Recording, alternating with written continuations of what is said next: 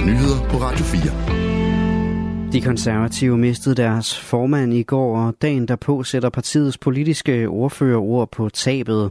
I et interview med TV2 News siger konservativs Mette Abelgaard, at hun håber på forståelse for, at det er for tidligt at sige noget om fremtiden i partiet. Der er vi ikke endnu som parti. Øh, selvfølgelig skal vi have fundet ud af, hvad skal der ske nu. Vi mangler en ny politisk leder, vi mangler en ny øh, partiformand.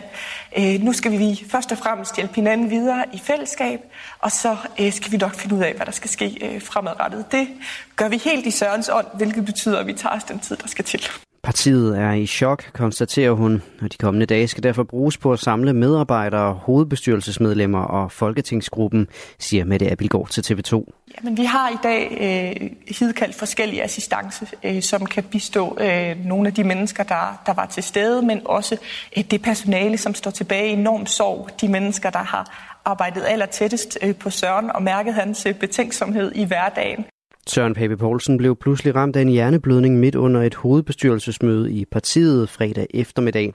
I går døde han. Det var Mette Appelgaard, som deltog i mødet, der ringede 112. Til TV2 siger hun, at Pape nåede at fortælle om et interview, han havde givet om Donald Trump og lidt om ældrepolitik, før det blev tydeligt, at han havde det skidt. Så faldt han om, siger hun til TV2. Jeg føler mig tryg ved, at vi kunne ikke have gjort andet eller gjort mere øh, i situationen. Og så er det klart, så følger der jo nogle frygtelige timer, før vi ved præcis, hvad der er op og ned, og hvad der skal ske. Og så modtog vi så i går den meget, meget selvfølgelig frygtelige og svære øh, besked om, at Søren han, øh, han ikke stod til at redde. I aftes oplyste Michael Siler, der er næstformand hos de konservative, at han er fungerende formand for partiet, men ikke fungerende politisk leder efter Papes død. Mette Abelgaard beskriver Pape som en stærk og moderne leder med mange bløde sider. Og det vil jeg tage med mig videre. På den måde vil han altid være en inspiration øh, for os alle sammen. Så selvom at Sørens tid øh, i dansk politik og på jorden i det hele taget ikke blev så lang, som den burde have været, så har han stadigvæk gjort et, øh, et stort indtryk. Netop nu afholdes der en Undskyld, netop nu afholdes der en lukket mindehøjtidlighed for Søren Pape Poulsen på Christiansborg. Og stemningen er trykket og grådkvalt i Søren Pape Poulsens midtjyske hjemby Viborg, hvor han boede og havde været borgmester. Det fortæller Lars Norup, der netop er stoppet som chefredaktør på Viborg Stifts Folkeblad efter 23 år på posten.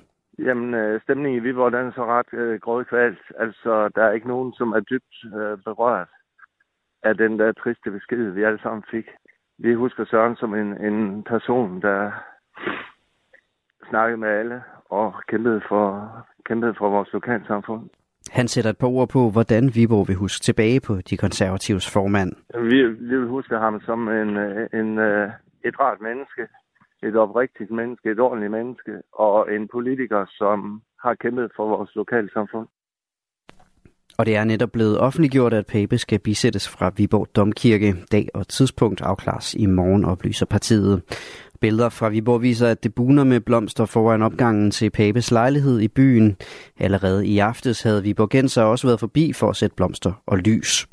Og det bliver Dina Robjerg, der som de konservatives første suppleant i Vestjyllands Storkreds nu skal i Folketinget efter formandens død i går. Det var absolut ikke det, jeg havde drømt om, må jeg sige, fortæller Dina Robjær. 53-årige Dina Råbjerg har siddet i byrådet i, i Kastbrande Kommune siden år 2021. Ved det seneste folketingsvalg blev hun første suppleant i Vestjyllands Storkreds med 770 personlige stemmer. Danmark ønsker en grundig og uafhængig undersøgelse af en situation, hvor et større antal palæstinensere torsdag døde i Gaza ved en konvoj med nødhjælp. Det oplyser Udenrigsministeriet i en mail til Ritzau. Den danske udmelding kommer efter en række internationale opfordringer til at få situationen undersøgt. Danmark bakker op om en grundig og uafhængig undersøgelse, der skal klarlægge, hvad der skete, da over 100 personer torsdag mistede livet ved en nødhjælpskonvoj i det nordlige Gaza, står der i udtalelsen fra Udenrigsministeriet. Sundhedsmyndigheder i Hamas-kontrolleret Gaza har sagt, at israelske styrker dræbte over 100 mennesker, som forsøgte at nå frem til konvojen. Israel har sagt, at der blev affyret varselskud, men at de fleste døde på grund af trængsel.